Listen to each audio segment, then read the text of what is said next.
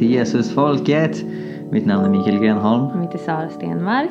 och idag ska vi prata om något som kan vara lite läskigt för vissa. För de som tycker att sånt Ja, är läskigt. lite, lite jobbigt. Ja. Eh, vi ska ta om den andliga verkligheten. Eh, och om någon tycker att det är eh, jobbigt att höra på samtal om Demoner. demoner så stäng gärna av och lyssna på något annat poddavsnitt. Eh, Men för er andra, varmt välkomna eh, till Jesusfolkets avsnitt om demoner. Tack.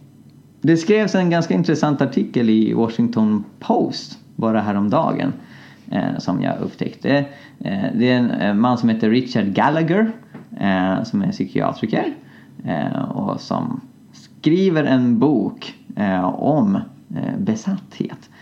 Så i den här artikeln eh, som heter As a psychiatrist I diagnose mental illness also I help spot demonic possession så skriver han om hur man särskiljer psykisk sjukdom från demonisk besatthet.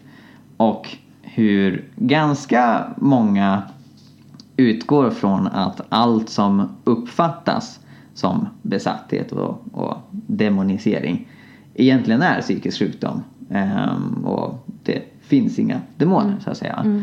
Han säger att även om han har blivit skolad i det och, har, och är skeptiskt lagd så hade han svårt att förneka demoners existens eh, när en patient började tala om hur eh, folk som hon omöjligen kunde känna hade dött inklusive hans mamma som hade dött i cancer. Och sen började hon prata latin. Eh, klockrent, flytande. Eh, och lite andra sådana saker. Så det gjorde att han tog dit någon katolsk präst som kastade ut demoner ur henne och sen blev hon bra. Och det gjorde att han eh, började forska lite djupare om detta och skriva den här boken som sagt. Och det kan ju tyckas vara liksom medeltida rester, hokus pokus, eh, som folk med dagens vetenskapliga sanningar i åtanke Ja, det, det, inte kan tro på. Men är det så Sara? Nej. Nej, det är inte så. Nej. Nej, men det finns ju väldigt många som har erfarenheter av det. Mm. Som, alltså, jag kan ju verkligen inte förneka att det finns och Mm. att det existerar idag och att, eh, att det funkar på samma sätt som i Bibeln. Att, att Jesu namn och hans auktoritet står över det. Mm. Precis. Ja, det gäller mig också. Vi har båda personliga erfarenheter ehm, av detta som vi inte ska gå in på för mycket i detalj av respekt för, för personerna som varit inblandade. Va?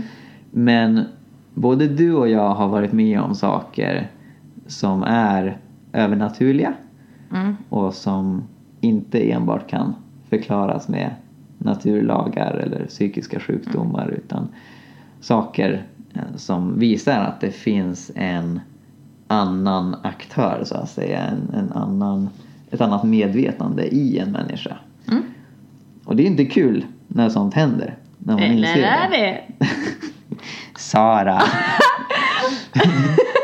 När vi varnar de känsliga lyssnarna så varnar vi egentligen för Saras okänsliga kommentarer. Nej, men alltså det är inte kul för människan. Nej. som, som eh, alltså, har drabbats av det eller vad man ska säga. Men jag personligen älskar ju sådana situationer. Alltså Mm. jag, ja, Gud är så stor. Mm. Eh, och han visar sin makt på ett så otroligt tydligt och konkret sätt. Och att få vara med och vara ett verktyg det är typ Mm. det bästa jag vet. Ja, ja, verkligen. Och jag förstår det. Mm. Det är ju en Guds kärlekshandling att Ja, han verkligen. befriar oss från det som vi inte har makt över och det som vi knappt förstår. Mm. Eh, Men och det blir så otroligt tydligt och konkret i sådana i såna tillfällen. Mm. Guds befrielse, alltså att, att Gud gör verkligen människor fria, totalt fria. Mm. Eh, och att det blir så tydligt före och efter. Mm. Och det är helt fantastiskt. Mm. Mm. Men det är ju inte kul. För, alltså, ofta så är det ju Ofta så vet ju människor inte om det före det uppenbarar sig och uppenbarar det sig så blir det ofta ganska Alltså så, så kan det uppenbara sig ganska starkt. att det går liksom inte att förneka eh, att, att det här har funnits i en. Mm.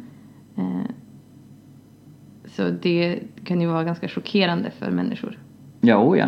Mm. Och, och alltså inte bara för den som är drabbad själv utan även för de som står Ja, runt omkring. hjälp, verkligen. Så för, Har man först, inte stött på det förut så precis, är det ju absolut så. precis. Och det, det var så jag introducerades till det hela. Mm. Jag hade läst om det i Bibeln, jag hade läst andras vittnesbörd. Men första gången jag erfar det själv, då är det en vän till mig som har det. Eh, Och det är ju läskigt Mm. när man inser att nu är den personen inte där. Nu är det en annan kraft som styr. Mm. Mm. Men eh, vi har nämnt Bibeln. Eh, jag tänkte vi kunde läsa från Matteus 17 om ett av väldigt många exempel på när Jesus kastar ut demoner ur människor. Och det är precis efter han har blivit förhärligad på det här berget och hans lärjungar har sett honom som han verkligen är, som Guds son. När de kommer ner från berget eh, så skriver Matteus att de kom till folket och en man gick fram till Jesus. Han föll på knä ner för honom och sa Herre förbarma dig över min son. Han är månadssjuk och plågas svårt. Ofta faller han i elden, ofta i vattnet. Jag förde honom till dina lärjungar men de kunde inte bota honom. Jesus svarade, du fördärvade släkte som inte vill tro. Hur länge ska jag vara hos er? Hur länge ska jag stå ut med er? För honom till mig. Och Jesus talade strängt till den onda anden och den for ut ur honom. Från det ögonblicket var pojken botad. Nu har jag hört lite liberalteologer och eh, liberala kristna som de kallas, de som tar lite lättare på Bibeln än vad vi gör kanske. Som menar att ja, men det här är ett tydligt exempel på epilepsi i antiken. De fattade inte att det var epilepsi. Det här att han liksom plötsligt faller i elden och vattnet. Eh, utan de trodde att det var demoner. Eh, och nu så har vi en bättre kunskap om världen och människokroppen och sjukdomar. Så därför kan vi säga att det var inte en demon utan eh, den här berättelsen handlar om hur Jesus på något spirituellt plan kan göra att epileptiskt sjuka mår lite bättre. Mm. Nå, även om, om det stämmer, jag tror det finns fog för det, att det var epilepsi han led av. Så är ju poängen att ingen kunde bota honom förrän Jesus drev ut demonen. Och det är inte samma sak som att säga att all epilepsi beror på demonisering. Eller om, om någon som har en demon, det står på ett annat ställe om en kvinna som hade lidit av blödarsjuka. Eh, och hon hade en demon som Jesus befriade henne från. Men det betyder inte att alla som har det, den sjukdomen eh, har demoner i Det är väl snarare ett undantag. Ja. Att, att det skulle vara demoner som orsakar det. Men Precis. ja. Det går ju heller inte att utesluta. Nej men exakt. Exakt. Det känns som det finns två diken.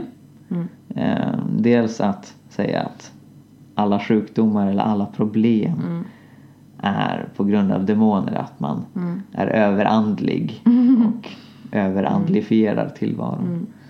Men den här naturalismen som präglar vårt samhälle idag. Att allt är fysiskt, att ingenting beror på övernaturliga orsaker. Mm. Det är också ganska extremt. Det finns inget bevis för, det finns inget fog för. Alltså det, är en, en filosofisk idé som man inte kan ge några belägg för egentligen. Och som jag inte alls tycker speglar verkligheten. Eh, och som inte kan förklara verkligheten på ett utförligt sätt. Utan Mm. som hela tiden kommer till korta och måste säga ja det finns en naturlig orsak som vi inte begriper. Mm. Men då när det i tusentals år i alla möjliga kulturer runt om i världen, inte bara den kristna traditionen utan mängder med kulturer har erkänt att det finns andar som, orsakar, eh, som, som påverkar våra liv. Mm. Då är ju det något att ta på allvar. Mm. Absolut. Och sen så får vi inte glömma heller att, att eh, vi i västvärlden eh, Alltså att vi är ganska ensamma om och en minoritet i att tro att bara, nej den här verkligheten finns inte alls. Mm. För att i de allra flesta länder i resten av världen så, så är det en helt självklar del av, av vardagen typ. eh, att, ja, det finns många exempel på, på missionärer som kommer till typ ja, Indien till exempel Mm. och bara Hallå, har ni hört talas om den andliga verkligheten? Och bara dö. ja, Ja, verkligen. verkligen. så himla självklart för dem. Verkligen. Mm. Och det finns även exempel på missionärer som inte tror på den andliga verkligheten och som åker ut och ska förklara evangeliet för andra. Så jag läste om en, en gubbe som heter Charles Kraft. Han heter Kraft i efternamn. eh, han åkte ut som missionär till Nigeria och, och började arbeta där och, och förde folk till tro. Men han märkte det att det han och hans medarbetare kunde erbjuda eh, var inte jätterelevant för nigerianernas vardagliga liv. Eh, Det var en folkgrupp som hette Hausa, om jag inte minns fel. Mm. Eh, Och de plågades ju av andar och de ville ha hjälp med... Hey, what's going on, guys? I just wanted to make a video real quick. Förlåt. Blooper.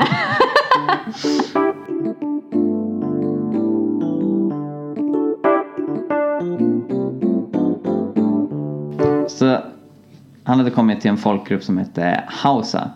Och de brydde ju sig om dessa andar som plågade deras liv och eh, som gjorde att de drömde mardrömmar eller som gjorde övernaturliga saker i, i deras vardag eller som, som påverkade deras skördar och alltihopa. Eh, och det var ju inte något som, som kyrkan adresserade. Utan då blev det så att folk gick till kyrkan för att höra budskapet om himlen och tyckte ja men det, det låter bra efter vi dör. Sen gick de till medicinmannen när det gällde problemen här och nu som de hade. Och det var till och med en medicinman som själv blev kristen. Eh, men som efter ett tag slutade gå till kyrkan. Därför att han, han hör om en eh, frälsare som kan utföra mirakler men han ser det inte. Och det fick Charles att, tänka om. Och han hade, Han ser inte hos de kristna, den kraften. ja precis, Mm. ja, eh, vad sa jag? Att han hör om en frälsare Ja, men han, och som kan göra mirakler men Ja. han ser det inte. nej precis. Han, han såg det inte i kyrkan dit han gick. Så det gjorde att Charles förstod att han har liksom köpt ett, ett naturalistiskt paradigm för att använda svåra ord. Där, där man liksom utesluter det övernaturligas existens trots att han bekänner sig till en gud som kan uppväcka döda. Eh, och som kan skapa ett universum från ingenting. Det är ganska mirakulöst. Så det gjorde att han, att han förstod att eh, vi behöver söka den helige andes gåvor. Eh, inklusive urskiljningens gåva, att skilja eh, det goda andlighet från, från falsk andlighet. Och med det så kommer förstås också eh, gåvan att driva ut demoner. Sen finns det tyvärr många exempel på när tron på demoners existens spårar ur. Mm. Eh, vi har redan nämnt det här med att man överandlifierar tillvaron. Och det finns många tragiska exempel på eh, befrielser eller exorcismer, heter det så i plural. Där, där man misshandlar folk, där, där man behandlar folk Och det blir väldigt andliga illa. övergrepp. Det blir andliga övergrepp, det blir ibland fysiska övergrepp också. Mm. Ja, absolut. Och det tar vi otroligt mycket avstånd ifrån. Mm. Verkligen. Nej, men jag tror att det har funnits ganska mycket konstig undervisning kring eh, alltså demonisering och hur det bör hanteras. Alltså till exempel det här fenomenet att man ska skrika. Ja, just det. Alltså man får aldrig någonsin glömma om man hamnar i en sån situation att det här är en människa. ja, precis. Eh, och en människa som troligtvis är ganska rädd. Mm. Eh, och att det, alltså, alltså att människan som, alltså människan är ju också där och är fullt kontaktbar. Mm. Eh, och man kan fråga bara hur känns det och hur går det och, eh, och att prata med lugn röst för att Jesu namn och Jesu auktoritet blir inte starkare för att jag skriker. Precis. Det handlar om hur många viska. decibel man använder Ja. när man ropar i Jesu namn. Nej men, men och ja. Jag, jag tror att man får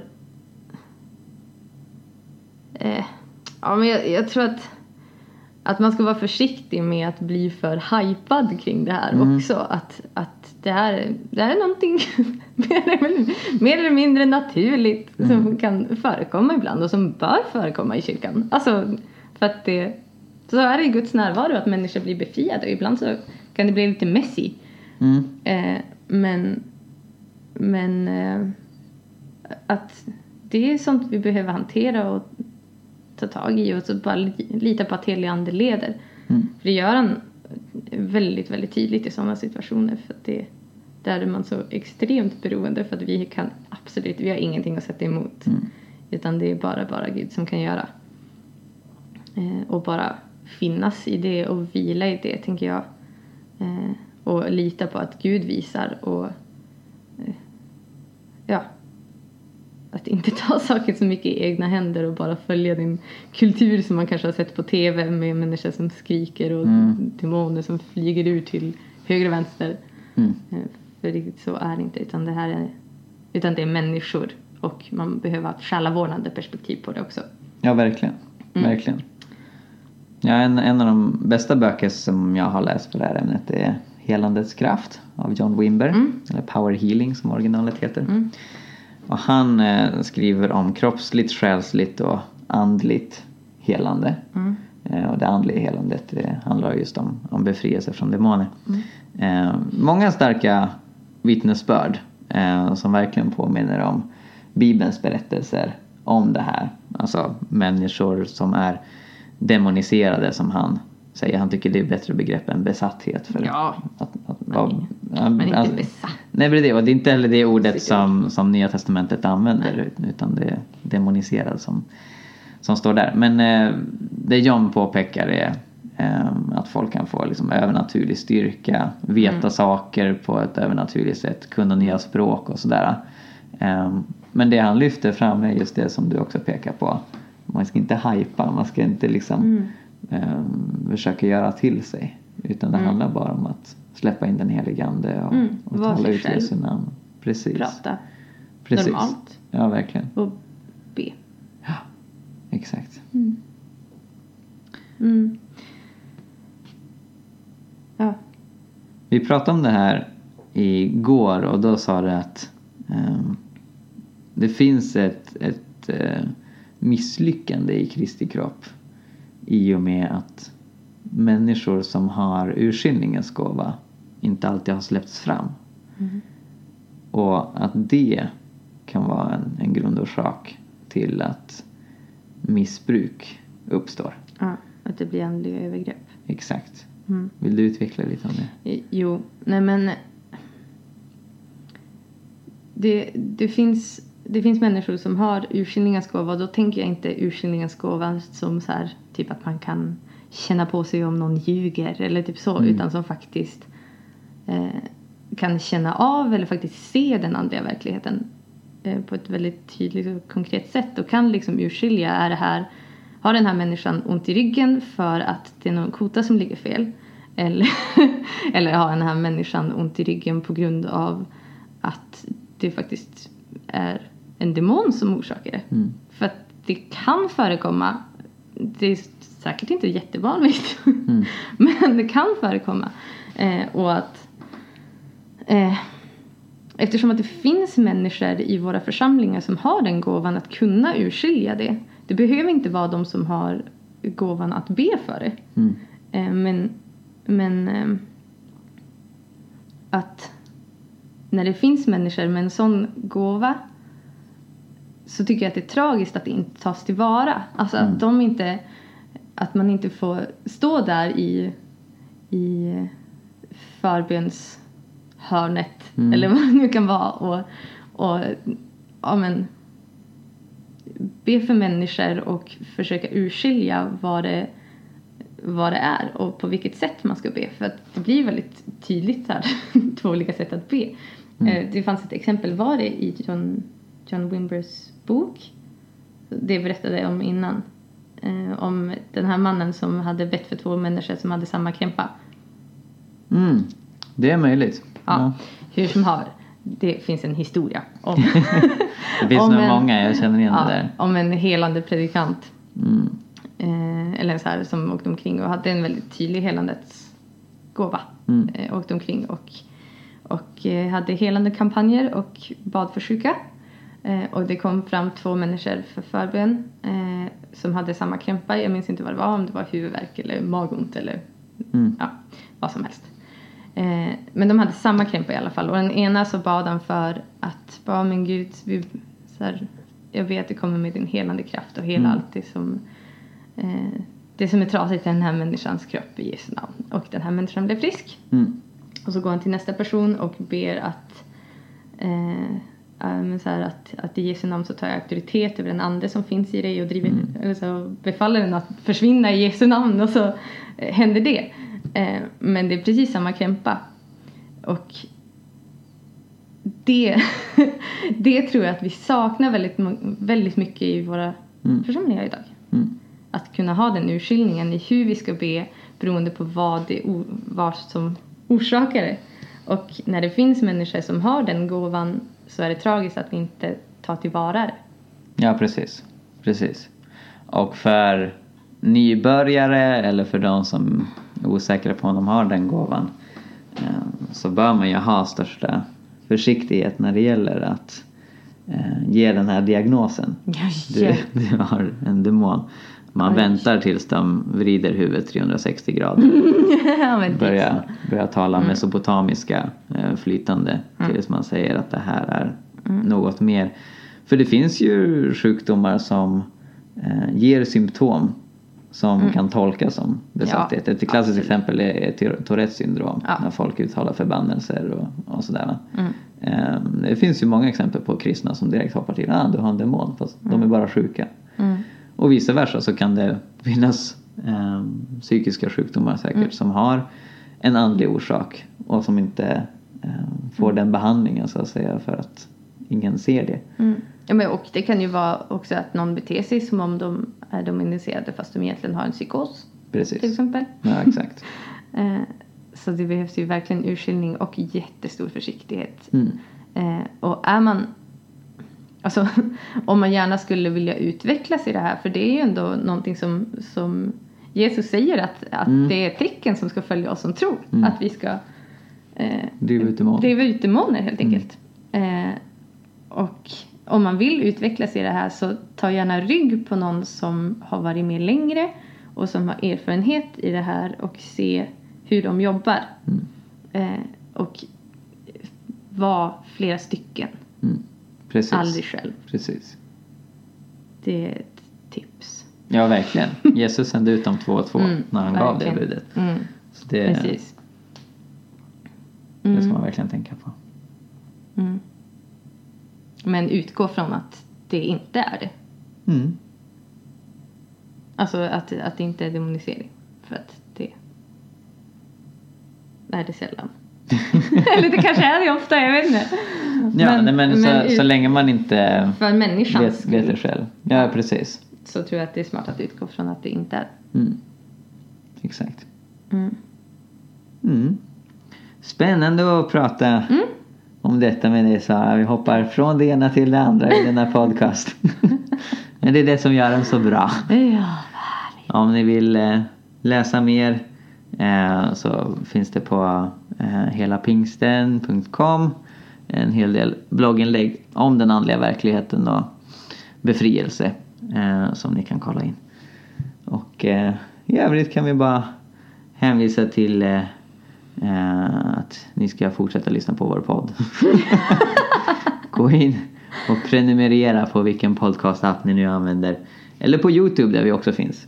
Mm. Mm. Kanalen heter Mikael Grenholm för att jag är självcentrerad. Det var allt för den här gången. Tack, Gud välsigne er. Tack, tack. Hej då!